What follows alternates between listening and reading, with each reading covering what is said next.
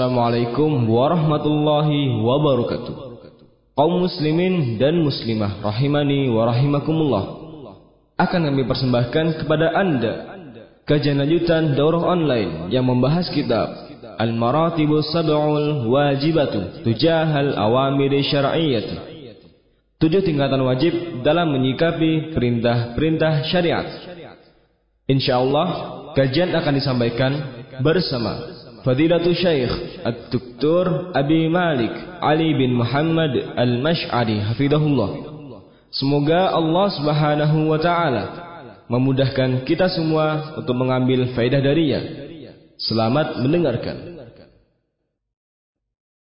Alhamdulillah Rabbil Alamin wa sallallahu wa sallama ala nabiyyina Muhammad wa ala alihi wa sahbihi wa sallama tasliman katsiran ila yaumiddin amma ba'd. Faqad سبقت معنا جملة من المراتب في هذا المتن درسناها ونرجو أن نكون قد عقلناها وفهمناها Bismillahirrahmanirrahim.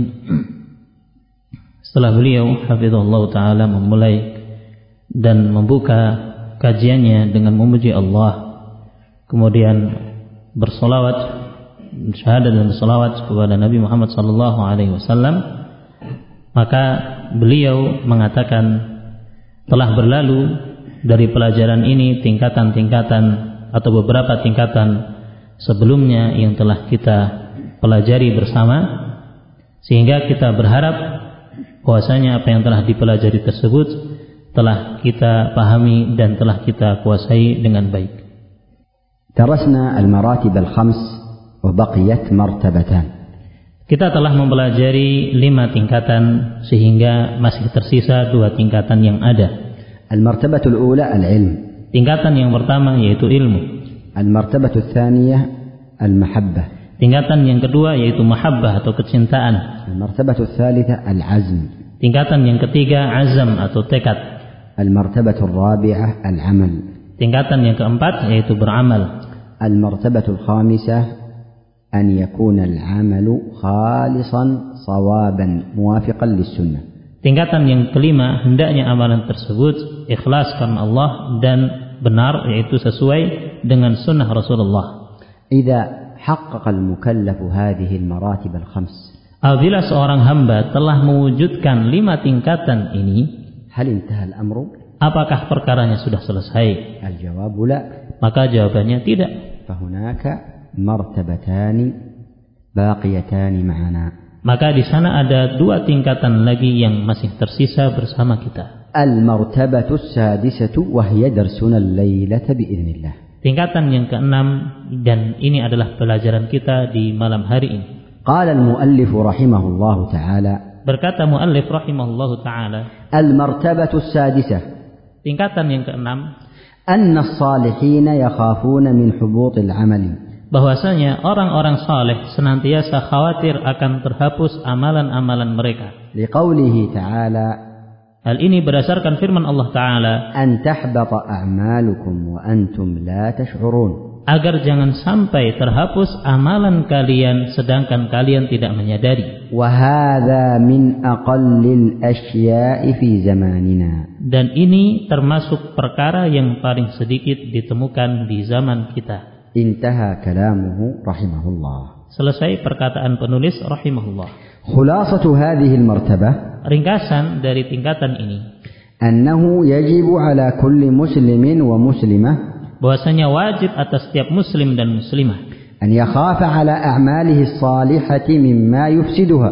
hendaknya dia khawatir dari amalan-amalan saleh terhadap perkara yang bisa membatalkannya dan merusaknya وأن يحافظ على حسناته مما يحبطها dan hendaknya dia me- menjaga per- apa kebaikan-kebaikan yang telah dia perbuat dari apa yang bisa merusaknya وأن يجتنب كل سبب ي- يذهب أجرها وثوابها dan hendaknya dia meninggalkan segala sebab yang bisa menghilangkan pahala dan ganjarannya فلا يكفي العبد أن يعمل maka tidak cukup bagi seorang hanya beramal بل لا بد أن يحقق العبد العمل الصالح بشرطي القبول الإخلاص والمتابعة Namun yang wajib atas seorang hamba hendaknya dia mewujudkan dua syarat diterimanya amal yaitu al-ikhlas dan mengikuti.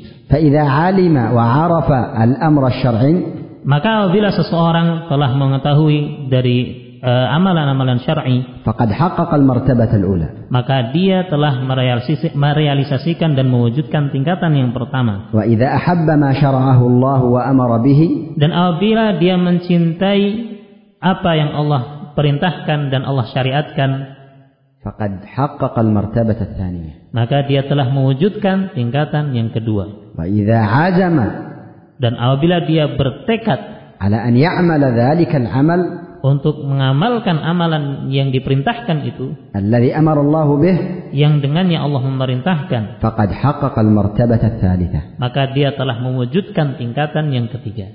وإذا عمل Dan apabila dia beramal dengan amalan itu, بما علم dengan apa yang telah dia ilmui, وأحب dan dia mencintainya, وعزم dan dia bertekad untuk mengamalkannya, حصل العمل بعد ذلك sehingga terwujudkan amalan setelah itu, فقد حقق المرتبة الرابعة maka dia telah mewujudkan tingkatan yang keempat. ولا يكفي ذلك Namun ini juga belum mencukupi, بل لا بد من المرتبة الخامسة dan harus untuk mewujudkan pula tingkatan yang kelima. وهو أن يكون العمل صالحا مقبولا Hendaknya amalan tersebut amalan yang saleh dan diterima, خالصا صوابا yaitu ikhlas dan benar.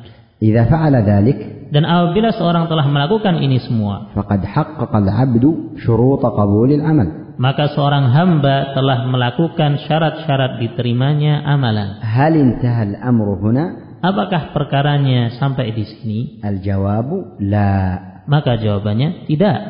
بقي أمر مهم Masih tersisa perkara yang penting, وهو المرتبة السادسة yaitu tingkatan yang keenam, الخوف من حبوط العمل yaitu khawatir dan takut akan terhapusnya amalan. وتعني هذه المرتبة السادسة Dan yang dimaksud dari tingkatan yang keenam ini الحفاظ وتعني الحفاظ على العمل مما يفسده yaitu menjaga amalan dari hal-hal yang bisa merusaknya والخوف عليه مما يحبطه dan mengkhawatirkan dari perkara-perkara yang bisa menghapuskannya. وهذا أمر معروف عند الناس في حياتهم الدينية والدنيوية Dan ini adalah perkara yang ma'ruf di dalam kehidupan manusia, baik dalam kehidupan dunia ataupun agamanya. لا يختلفون فيه Dan mereka tidak berselisih dalam perkara ini. وأضرب لذلك مثالا Dan aku akan menyebutkan sebuah contoh في أمور الدنيا dalam perkara duniawi, والكسب والمعيشة dalam pekerjaan dan mencari dan pencaharian. لو أن شخصا سافر من بارك بابان إلى جاكرتا Seandainya seorang melakukan safar dari Balikpapan menuju Jakarta أو ماليزيا atau ke Malaysia أو السعودية atau ke Sa- Arab Saudi ليعمل ويتكسب الرزق والمال untuk dia bekerja dan mencari harta, مكث سنة كاملة dia tinggal di situ selama satu tahun selama satu tahun sempurna. وهو يعمل ليلا ونهارا Dia bekerja siang dan malam ويجمع المال بكل ما استطاع dan dia mengumpulkan harta sesuai dengan kemampuannya فجمع أموالا كثيرة sehingga dia bisa mengumpulkan harta yang banyak واشترى لأولاده وزوجته ووالديه هدايا كثيرة sehingga dia bisa membeli untuk anaknya, istrinya, orang tuanya berbagai jenis hadiah وحافظ عليها طيلة العام dan dia menjaganya sepanjang tahun. ثم عند سفره بعد عام كامل Kemudian setel- kemudian dia safar setelah satu tahun sempurna, غلفها maka dia membungkusnya وحافظ عليها بجميع أنواع الحفاظ الحسي dan dia menjaganya dengan segala jenis penjagaan secara hissi وأخذها معه في الطائرة dan dia membawanya eh, naik ke atas pesawat حتى وصل إلى المطار في إيه. بنك بابان hingga dia sampai di bandara Balikpapan. ثم أخذ حقيبته اليدوية Kemudian dia mengambil tas yang dia tenteng dengan tangannya وترك شي- حقائبه dan dia meninggalkan tasnya yang lainnya وفيها الهدايا والأموال padahal di situ ada berbagai hadiah dan harta yang telah dia kumpulkan. التي كسبها وكس اكتسبها طيلة العام Yang mana dia telah mengumpulkannya dengan bekerja sepanjang tahun. فوصل إلى أهله وبيته Maka dia sampai ke rumahnya dan keluarganya. فسألوه عن النتائج Maka mereka bertanya tentang apa yang dia bawa. فحلف لهم بالله يمينا Maka dia bersumpah dengan nama Allah. أنني حافظت عليها سنة كاملة Bahwasanya aku telah menjaganya sepanjang tahun ini. وغلفتها تغليفا محكما Dan aku telah mengikatnya, membungkusnya dengan sangat eh, bagus. وشحنتها بيدي إلى الطائرة Dan aku telah membawanya dengan tanganku ke atas pesawat. ورأيتها في مطار باlikpapan Dan aku juga melihatnya di bandara Balikpapan. لكنني كنت مستعجلا فتركتها وذهبت Namun aku tergesa-gesa dan terburu-buru sehingga aku meninggalkannya lalu pergi. أو انشغلت عنها فسرقت Atau aku tersibukkan dengan hal yang lain sehingga itu dicuri. هل هذا يفيد؟ Apakah ini memberikan manfaat? كل الناس يسبونه ويتهمونه في عقله Maka setiap orang akan mencela dia dan akan menuduh gimana akalnya. كل ما فعله من خطوات Maka apa yang telah dia lakukan dari eh, tahapan-tahapan لا تفيد شيئا tidak memberikan faedah sedikit pun لأن النتيجة karena hasilnya لا شيء dia tidak membawa apa-apa. وهكذا الذي يعمل الأعمال الصالحة Maka demikianlah keadaan orang yang melakukan amalan saleh ويجهد نفسه في الأعمال وتحصيل الحسنات dan dia bersungguh-sungguh dengan dirinya untuk me- mewujudkan berbagai macam amalan kebaikan. ثم يهملها Kemudian dia menelantarkannya فتحبط sehingga hilang dan terhapus amalannya. وتفسد Amalannya rusak لم يستفد شيئا sehingga dia tidak mendapatkan faedah sedikit pun على تفصيل في المحبطات dengan rincian-rincian yang ada dalam apa yang bisa membatalkan amalan. ولهذا يقول ابن القيم رحمه الله تعالى Oleh karena itu Ibnu Qayyim rahimahullah mengatakan, وليس الشأن في العمل Bukanlah perkara yang terpenting adalah mewujudkan amalan. وإنما الشأن في حفظ العمل مما يفسده ويحبطه Namun perkara yang terpenting adalah menjaga amalan tersebut dari hal-hal yang bisa merusak dan menghapusnya.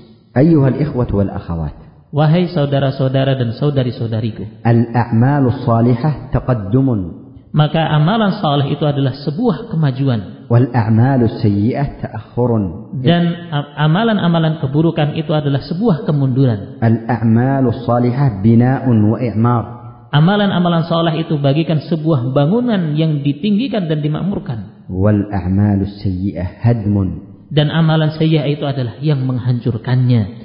الأعمال الصالحة ارتفاع ورقي Amalan soleh adalah sesuatu yang tinggi dan terus naik في الدرجات العليا ke derajat atau tingkatan yang lebih tinggi. والأعمال السيئة نزول وانخفاض في الدركات Adapun amalan yang buruk adalah sesuatu yang turun kepada tingkatan yang paling rendah. إن هذه المرتبة العظيمة Sesungguhnya tingkatan ini adalah sesuatu yang sangat besar, كانت تخيف الصالحين yang mana mengkhawatirkan dan menjadikan khawatir orang-orang saleh. فقد كان الصالحون المخلصون Dan adalah mereka orang-orang saleh dan ikhlas, الصادقون العابدون orang-orang yang sadik, yang jujur dan ahli ibadah. يجتهدون في العبادة Mereka bersungguh-sungguh di dalam beribadah. ويحافظون عليها dan mereka menjaga ibadahnya وكانوا يخافون من حبوطها dan mereka khawatir akan terhapusnya amalan ini. إن حبوط العمل Sesungguhnya terhapusnya amalan معناه maknanya adalah فساده وبطلانه وذهابه سدى rusaknya amalan itu, batalnya dan hilangnya secara sia-sia. حبط العمل Terhapusnya amalan أي فسد yaitu rusaknya amalan, أي بطل yaitu maknanya batalnya amalan أي ذهب سدى dan maknanya adalah hilang dan pergi begitu saja sia-sia.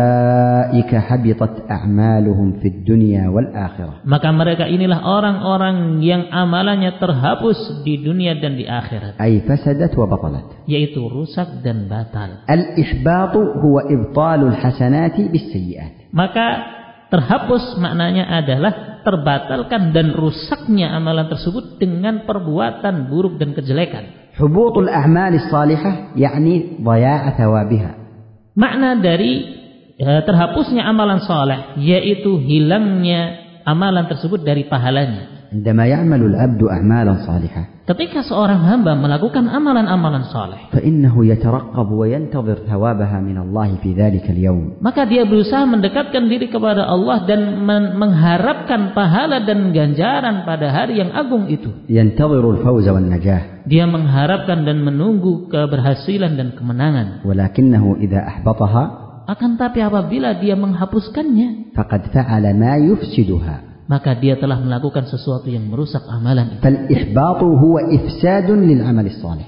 Maka makna ihbat terhapusnya adalah ter- eh, rusaknya amalan soleh itu. المحبطات Maka penghapus penghapus amalan قد تكون أقوالا terkadang berupa ucapan, وقد تكون أفعالا terkadang berupa perbuatan, وقد تكون ظنونا واعتقادات dan terkadang berupa sangkaan-sangkaan dan keyakinan-keyakinan تؤدي إلى بطلان الأعمال وفقدان ثوابها yang mengantarkan kepada batalnya amalan dan hilangnya pahalanya. محبطات الأعمال الصالحة Pembatal, ah, penghilang, penghilang, penghapus amalan-amalan soleh خطيرة adalah perkara yang berbahaya ومتنوعة dan bermacam-macam.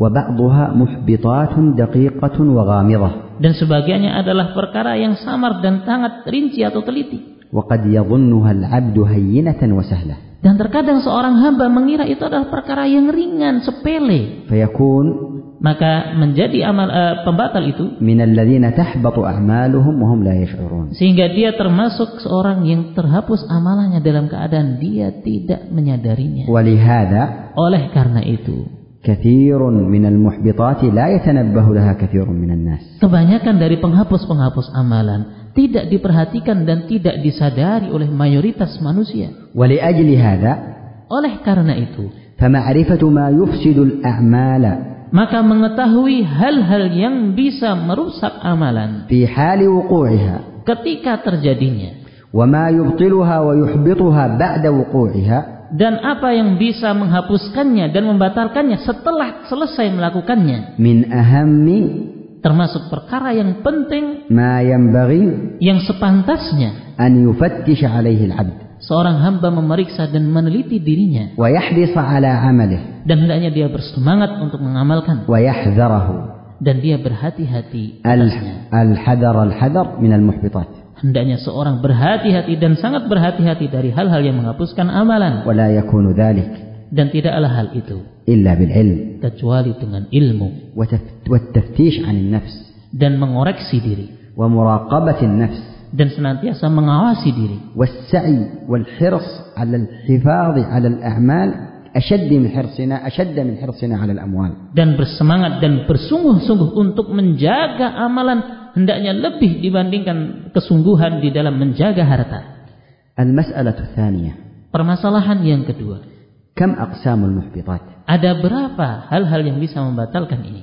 المسألة الأولى ما معنى حبوط ما معنى الحبوط ما معنى المحبطات Permasalahan yang pertama yaitu apa makna terhapusnya amalan, apa makna eh, batalnya amalan. قلنا الحبوط هو الفساد والبطلان وضياع الأعمال Maka kita katakan hubud yaitu terhapusnya amalan maknanya adalah batalnya, rusaknya dan hilangnya amalan وضياع ثوابها dan hilangnya pahalanya. هذا هو البطلان والحبوط Maka ini makna dari batal dan terhapusnya amalan. المسألة الثانية كم أقسام المحبطات Apa- Permasalahan yang kedua ada berapa hal-hal yang bisa menghapuskan amalan. والجواب Maka jawabannya المحبطات أنواع وأقسام Penghapus-penghapus amalan ada berbagai macam dan jenis. فالمحبطات Maka penghapus-penghapus amalan منها ما يحبط العمل حال وأثناء القيام به ada sebagiannya yang menghapuskan amalan di tengah-tengah atau ketika melakukan amalan itu ومنها ما يحبط العمل بعد وقوعه والقيام به والانتهاء منه dan sebagiannya ada yang menghapuskan amalan setelah selesai dari melakukan amalan tersebut dan eh, melaksanakannya.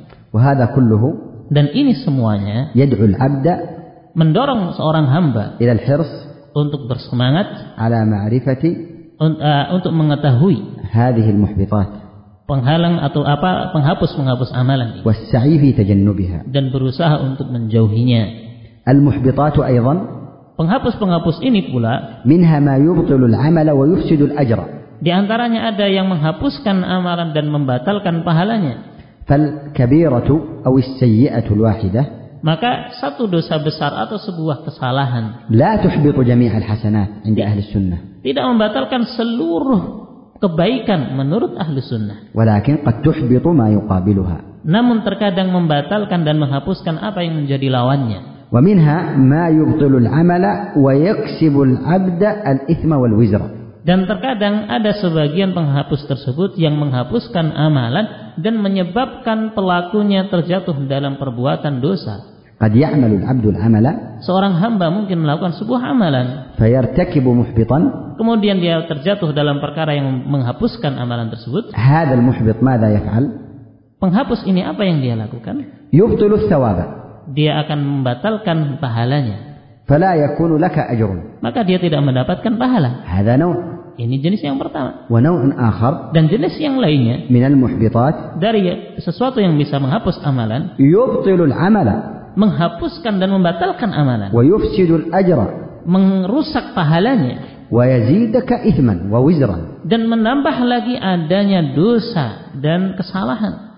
فمن الناس من يعملون أعمالا صالحة Maka ada dari manusia yang melakukan banyak amalan saleh, ولكنهم ارتكبوا بعض المحبطات akan tetapi dia melakukan sebagian dari hal-hal yang membatalkan atau menghapus amalan. فذهبت أعمالهم فبطلت Maka amalannya hilang dan batal.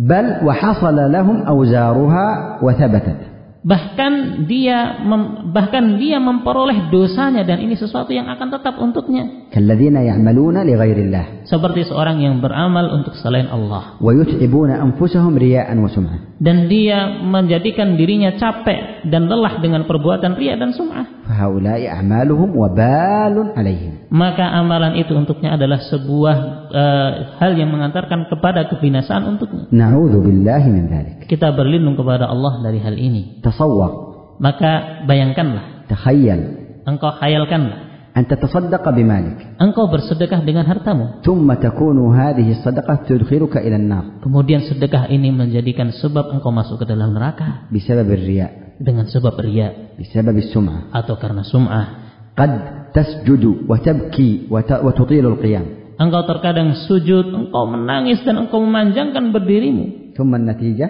Namun apa hasilnya? أن يدخلك الرياء بهذه العبادة إلى نار جهنم Perkara ria akan men- menjadikan engkau masuk dengan hal ini ke neraka jahanam. إذا قد يعمل العبد أعمالا Oleh karena itu, terkadang seorang hamba melakukan sebuah amalan, صالحة sebuah amalan yang saleh. ويكون النتيجة وتكون النتيجة Namun hasilnya لا ثواب dia tidak mendapatkan pahala وعليه الوزر والعقاب dan dia mendapatkan dosa dan hukuman.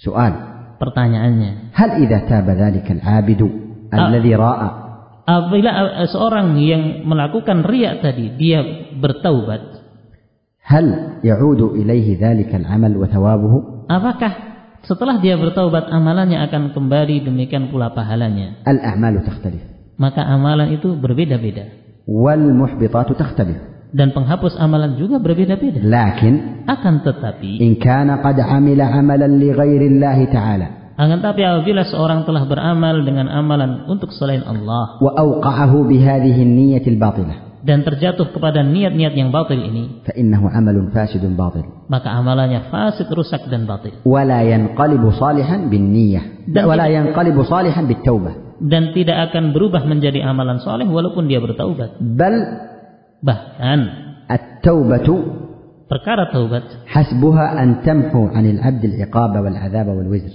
hanya akan menghalang hanya akan menghapuskan dirinya dari dosa dari hukuman فمن تصدق بأموال maka barang siapa yang bersedekah dengan harta رياء وفخرا karena ria dan untuk membanggakan dirinya فلا ثواب له tidak ada pahala untuknya وعليه الإثم dan atasnya dosa فإن تاب dan apabila dia bertaubat فذلك ال- فتلك النفقة باطلة maka nafkah nafkahnya tersebut tetap batal وثوابها باطل ليس له ثواب dan pahalanya tetap batal dan tidak ada pahala untuknya لكن تو- و- فإن تاب dan apabila dia taubat توبته ت- تمحو عنه العقاب taubatnya tersebut akan menghapuskan untuknya hukuman كما قرر ذلك جمع من أهل العلم sebagaimana ini yang disebutkan oleh sebagian para ulama. ومنهم ابن القيم رحمه الله تعالى Di antaranya Ibnu Qayyim rahimahullahu taala. المسألة الثالثة Permasalahan yang ketiga, هل المحبطات مرتبة واحدة أم مراتب متفاوتة apakah penghapus-penghapus amalan ini ada satu tingkatan atau di sana ada tingkatan-tingkatan yang banyak? الجواب Maka jawabannya إن المحبطات على مراتب متفاوتة bahwasanya penghapus amalan ini ada banyak-banyak ada banyak tingkatannya بسبب عظم الذنب karena begitu besarnya dosa فما كان من المحبطات الكبيرة maka apa yang menjadi penghapus dari sesuatu dosa yang berupa dosa besar فقد يحبط الحسنات الكبيرة maka itu juga akan menghapus kebaikan yang besar وما كان دون ذلك dan apabila di bawah dari itu فقد يحبط ما يقابله من الأعمال maka akan menghapus apa yang sebanding dengannya dari amalan وقد يكون المحبط شركا أو ردة والعياذ بالله dan terkadang perbuatan yang menghapus amalan tersebut berupa kesyirikan atau kekufuran semoga Allah meni- melindungi kita darinya فيبطل ويحبط أصل الإيمان maka itu akan membatalkan dan menghapul dan menghapuskan asal keimanan ويحبط جميع الأعمال dan menghapuskan seluruh amalan. ولهذا المحبطات في هذا الباب على قسمين Oleh karena itu penghapus amalan dalam bab ini kita bagi menjadi dua.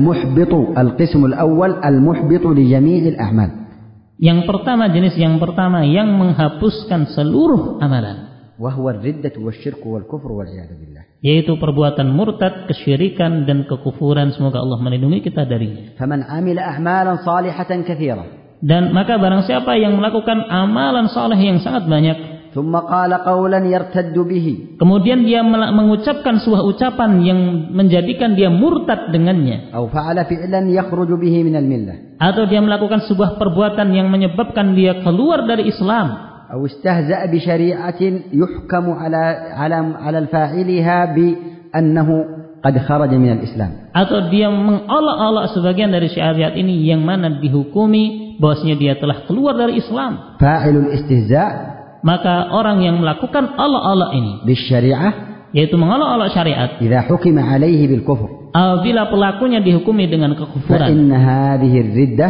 maka ini adalah suatu perbuatan kemurtatan تبطل أصل الإيمان mem- membatalkan asal keimanan وجميع الأعمال dan seluruh amalan ومن يرتد منكم عن دينه فيمت وهو كافر Allah Ta'ala berfirman barang siapa dari kalian yang murtad dan kemudian dalam keadaan dia kafir فأولئك حبطت أعمالهم في الدنيا والآخرة maka dia adalah orang yang terhapus amalannya di dunia dan akhirat وأولئك أصحاب النار هم فيها خالدون dan dia adalah penghuni neraka dan dia kekal di dalamnya طيب هنا سؤال Naam di sini Tayyib ada soal pertanyaan هذا الرجل قد عمل أعمالا صالحة ومن ذلك الحج orang ini telah melakukan berbagai amalan soleh di antaranya haji ثم ارتد kemudian dia murtad بطلت جميع أعماله maka batal seluruh amalannya إذا رجع إلى الإسلام وتاب kemudian apabila dia kembali masuk Islam dan bertaubat هنا ما الحكم Maka di sini apa hukumnya? الصحيح من أقوال أهل العلم Maka yang sahih dari ucapan dan perkataan ahlul ilm أن عمله لا يحبط bahwasanya amalannya tidak terhapus ولا يبطل dan tidak batal فلا يجب عليه أن يحج حجة أخرى sehingga tidak wajib atasnya untuk menane- menunaikan ibadah haji dengan haji yang berikutnya. ما الدليل على ذلك Apa dalil akan hal ini? لأن الله اشترط لحبوط العمل بالردة أن يموت الإنسان على الردة Karena Allah Subhanahu wa taala mempersyaratkan terhapusnya amalan karena murtad ini bahwasanya dia meninggal dalam keadaan murtad.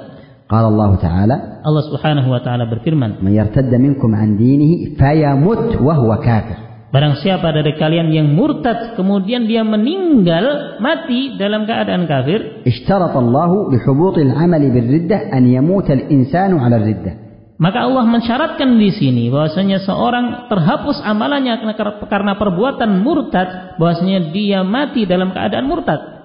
القسم الثاني Jenis yang kedua القسم الخاص adalah jenis yang khusus, وهي المحبطات الخاصة yaitu penghapus-penghapus yang sifatnya khusus والمبطلات الخاصة dan peng- pem- pembatal-pembatal yang sifatnya khusus pula. وهذه تختص بكل عمل بحسبه Dan ini khusus masuk pada setiap amalan secara khusus dan tersendiri. فالصدقة عمل صالح Maka sedekah adalah amalan soleh. يبطلها المن والأذى Yang membatalkannya adalah mengungkit-ungkit dan menyakiti hati orang yang diberikan. وكذلك مبطلات الوضوء مبطلات الصلاة مفسدات الصيام مفسدات الحج هذه محبطات Demikianlah pembatal-pembatal wudhu, pembatal-pembatal salat, puasa dan haji ini semua adalah pembatal-pembatal amalan. فهذه محبطات خاصة Maka hal ini adalah penghapus-penghapus atau pembatal yang sifatnya khusus. ومن أشهرها Dan termasuk yang paling masyhur إبطال الصدقات yaitu batalnya sedekah بالمن والأذى dengan sebab mengungkit-ungkit dan menyakiti hati orang yang diberi harta. قال الله تعالى Allah Subhanahu wa taala berfirman, لا تبطلوا صدقاتكم بالمن والأذى "Janganlah kalian membatalkan sedekah kalian dengan mengungkit-ungkit menyebut-nyebutnya dan menyakiti hati orang yang diberi sedekah." وجاء في الحديث Dan datang di dalam hadis, عمن ترك صلاة العصر فقد حبط عمله barang siapa yang meninggalkan salat asar maka terhapus amalannya. وجاء في الحديث Dan demikian telah datang dalam sebuah hadis أن من كانت له عند أخيه عنده لأخيه من كانت عنده لأخيه مظلمة Barang siapa yang dia pernah melakukan kezaliman terhadap saudaranya في عرض أو في مال dalam kehormatannya atau hartanya, فليأتي ويستحل منه Hendaknya dia mendatanginya dan meminta kehalalan darinya قبل أن يأتي يوم لا درهم فيه ولا دينار sebelum datang di hari yang tidak bermanfaat lagi di situ dinar tidak pula dirham. وإنما هي الحسنات والسيئات Yang ada adalah eh, amalan kebaikan dan amalan keburukan. وكذلك في الحديث المشهور حديث المفلس Demikian pula dalam hadis yang masyhur yaitu hadis al-muflis orang yang merugi الذي يأتي بحسنات أمثال الجبال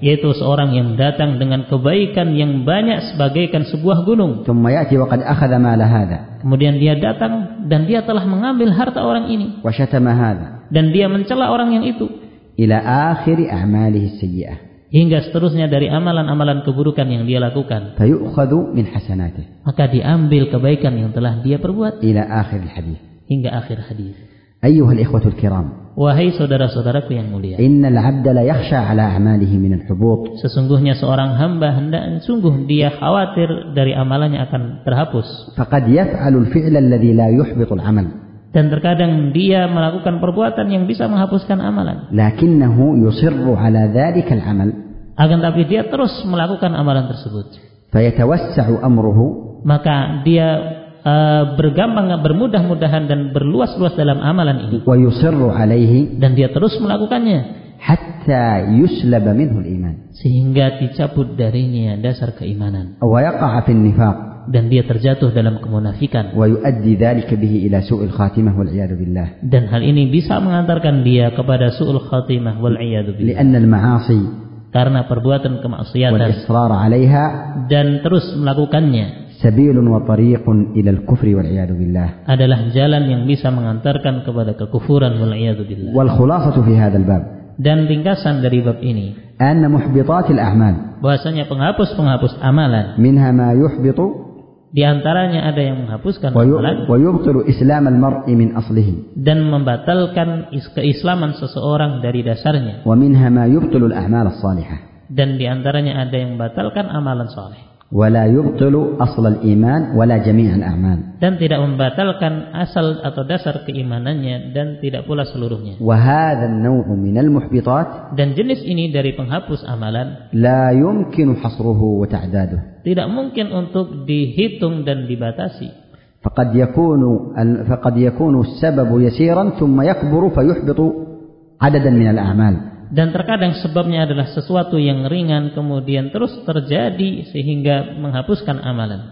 يقول عطاء Berkata Atha من السلف dari kalangan salaf, إن الرجل لا يتكلم في غضبه بكلمة يهدم بها عمل ستين سنة أو سبعين سنة Yang sesungguhnya seseorang eh, mengucapkan sebuah perkataan karena dia sedang marah dengan sebuah perkataan tersebut yang bisa menghapuskan dan menghancurkan amalan yang dilakukan selama 60 tahun atau 70 tahun. المسألة الخامسة Permasalahan yang keempat. لماذا نص المؤلف على أن الصالحين يخافون من حبوط العمل Kenapa penulis men- eh, menyebutkan bahwasanya orang-orang saleh mereka mengkhawatirkan dari terhapusnya amalan? الجواب Maka jawabannya السبب في ذلك sebab dari hal ini دقة المحبطات bahwasanya begitu samarnya pembatal ini وعدم التنبه لها dan tidak perhatian kepadanya فتذهب الأجر sehingga hilang pahalanya وتبطل العمل dan membatalkan amalannya والعبد في غفلة dalam keadaan seorang hamba dalam keadaan lalai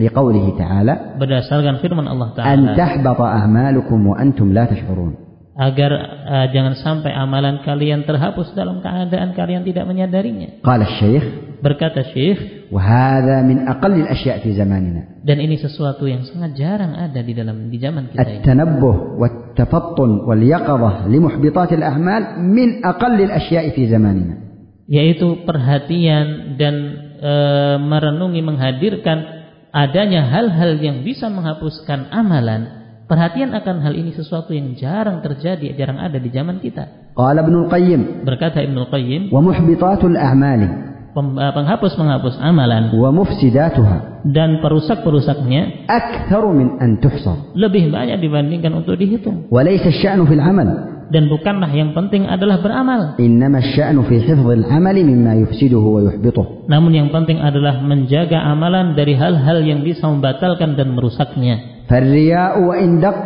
محبط للعمل Maka ria walaupun itu kecil dan samar itu bisa menghapuskan amalan. وهو أبواب كثيرة لا تحصر Dan ini bab-babnya sangat banyak tidak mungkin untuk و- dihitung. وكون العمل غير وكون العمل غير مقيد باتباع السنة أيضا موجب لكونه باطلا Dan keadaan amalan yang tidak sesuai, tidak mengikuti sunnah Rasulullah Shallallahu Alaihi Wasallam ini juga bisa mengantarkan dari batalnya amalan. والمن به على الله تعالى بقلبه مفسد له Dan sikap seseorang bahwasanya dia telah berjasa, yaitu dia di dalam hati meyakini dia telah berjasa kepada Allah, ini juga bisa membatalkan amalan. وكذلك المن بالصدقة والمعروف والبر والإحسان والصلة مفسد لها Demikian pula dia mengungkit-ungkit atas jasanya dengan sedekahnya, maka ini bisa membatalkan amalannya dan merusaknya. انتهى كلامه Selesai dari ucapan beliau. وهكذا كثير من المعاصي التي نستحقرها ونستهين بشأنها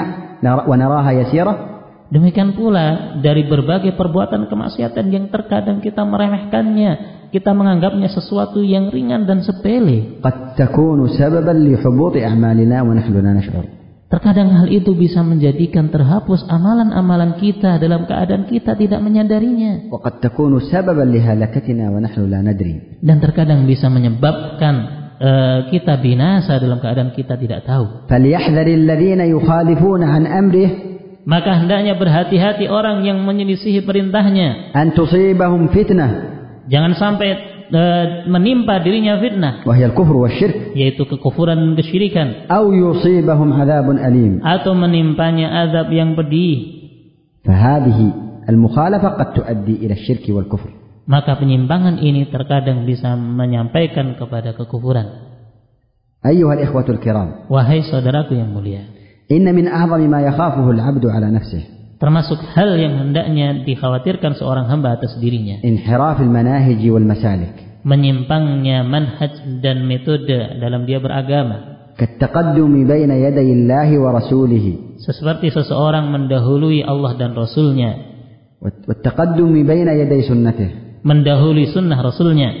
قال الله تعالى Allah Ta'ala berfirman, يا أيها الذين آمنوا Wahai orang-orang yang beriman, لا تقدموا بين يدي الله ورسوله janganlah kalian mendahului Allah dan Rasulnya. واتقوا الله إن الله سميع عليم Dan bertakwalah kalian kepada Allah, sesungguhnya Allah maha mendengar dan lagi maha mengetahui. أي لا تقولوا حتى يقول Yaitu maknanya jangan kalian berbicara hingga Allah atau Rasulnya berbicara. ولا تأمروا حتى يأمر Jangan memerintahkan hingga diperintahkan.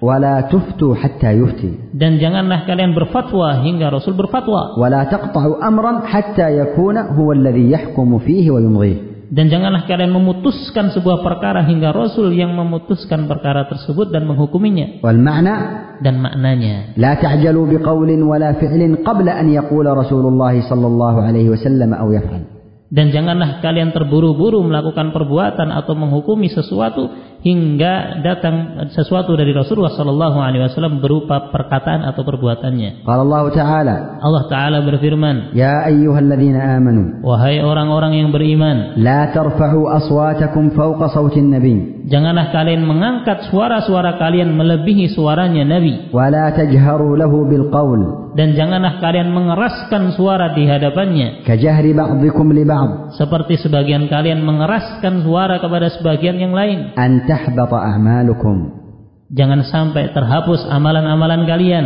وأنتم لا تشعرون dalam keadaan kalian tidak menyadarinya. إذا كان رفع أصواتهم فوق صوته Apabila meninggikan suara di hadapan suara di atas suara Nabi, سببا لحبوط أعمالهم ini menjadi sebab terhapusnya amalan mereka. فكيف بالذين يقدمون آراءهم وعقولهم Maka bagaimana dengan mereka yang lebih mendahulukan akal-akal dan pemikirannya وأذواقهم وسياساتهم dan perasaan serta siasat-siasatnya, وعلومهم ومعارفهم وأفكارهم ilmu pengetahuan dan pemikiran-pemikiran mereka? يقدمون ذلك على ما جاء به رسول الله Mereka lebih mendahulukan itu semuanya dibandingkan apa yang datang dari Rasulullah Sallallahu Alaihi Wasallam. أليس هؤلاء أولى أن يخشوا ويخافوا على أنفسهم أن تحبط أعمالهم Bukankah orang seperti ini hendaknya lebih khawatir akan terhapus dan hila- hilangnya amalan mereka?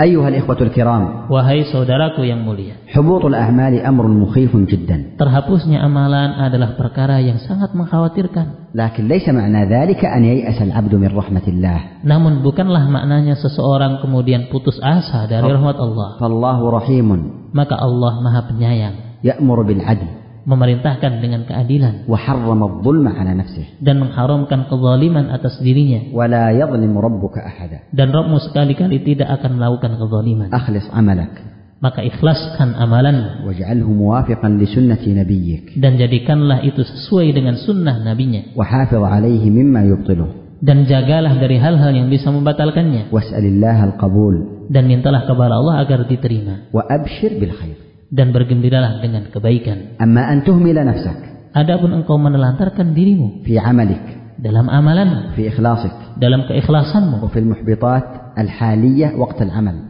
dan hal-hal yang bisa membatalkan dan menghapuskan tatkala beramal وفي المحبطات التي تكون بعد العمل dan menghapus amalan yang ada setelah selesai beramal. ثم ترجو النجاة Kemudian engkau mengharapkan keselamatan فهذا مسلك يحتاج إلى تصحيح ومراجعة وتوبة maka jalan dan metode ini adalah sesuatu yang butuh untuk eh, kem- untuk kembali ditinjau dan untuk untuk bertaubat. أيها الإخوة والأخوات Wahai saudaraku dan saudariku, علينا جميعا أن نحذر hendaknya kita semuanya berhati-hati عندما نعبد الله بعبادة ketika kita beribadah kepada Allah dengan sebuah ibadah, ثم يصيبنا العجب بالعمل kemudian menimpa kita kekaguman dan ujub akan amalan ونشعر في أنفسنا أننا قد وفقنا dan kita merasa bahwasanya diri kita telah terbimbing ونشعر أن غيرنا محروم dan kita merasa yang selain kita terhalangi. علينا أن نحذر من هذا المرض الخطير Maka hendaknya kita berhati-hati dari penyakit yang berbahaya ini. فقد يكون الله وفقنا لهذا العمل Mungkin Allah Subhanahu wa taala telah memberikan taufik bimbingan kepada kita untuk amalan ini. وقد نكون وفقنا في ظاهر الأمر Namun bisa jadi kita hanya diberikan taufik dari secara zahirnya saja, لكننا قد عملناه على وجه فيه شوب ودخن akan tapi bisa jadi kita mengamalkannya dalam keadaan padanya ada sesuatu yang bisa menodai dan merusaknya. وقد نعمله على وجه تام Dan mungkin kita melakukannya sesuai dengan cara yang sempurna. ثم يصيبنا العجب والغرور Kemudian menimpa kita sikap atau sesuatu dari kekaguman dan ujub. فمن يضمن لنا بعد ذلك أن عملنا مقبول وسالم Maka siapa yang bisa menjamin setelah ini bahwasanya amalan kita itu selamat dan diterima? وقد يكون ذلك الشخص Dan bisa jadi orang itu الذي نحتقره yang mana kita meremehkan dia وقد تكون تلك المرأة dan bisa jadi wanita itu التي تحتقرينها yang kita meremehkan dia وتنظرين إليها أنها مقصرة dan engkau melihatnya dia adalah seorang yang banyak kekurangan قد تكون قائمة بهذا العمل على أكمل وجه ونحن لا نشعر bisa jadi dia telah melakukan amalan ini dengan cara sempurna dalam keadaan kita tidak tahu وقد تكون لم توفق لهذا العمل الذي وفقت إليه أنت dan bisa jadi engkau wahai wanita bahwasanya wanita yang lain itu dia tidak diberikan taufik akan amalan ini لكنها وإن لم توفق لذلك العمل akan tapi walaupun dia tidak diberikan taufik akan amalan ini إلا أن الله قد وفقها لأعمال كثيرة عديدة عظيمة Hanya saja Allah telah memberikan kepadanya taufik untuk amalan yang banyak sekali. ونحن حرمنا من هذه الأعمال Yang mana kita diharamkan terhalangi dari amalan-amalan itu. ولكن الشيطان Akan tetapi syaitan زين لنا هذا العمل menghiasi untuk kita amalan ini وجعلنا نعجب بأنفسنا yang menjadikan kita kagum dengan amalan kita ini ونحتقر غيرنا sehingga kita meremehkan selain or- eh, seorang selain kita وغيرنا عنده أعمال كثيرة padahal orang padahal seseorang selain kita memiliki amalan yang sangat banyak سترها yang dia menyembunyikannya وأخفاها yang dia menyamarkannya فقبل الله عمله maka Allah menerima amalan dari dirinya وحبطت أعمالنا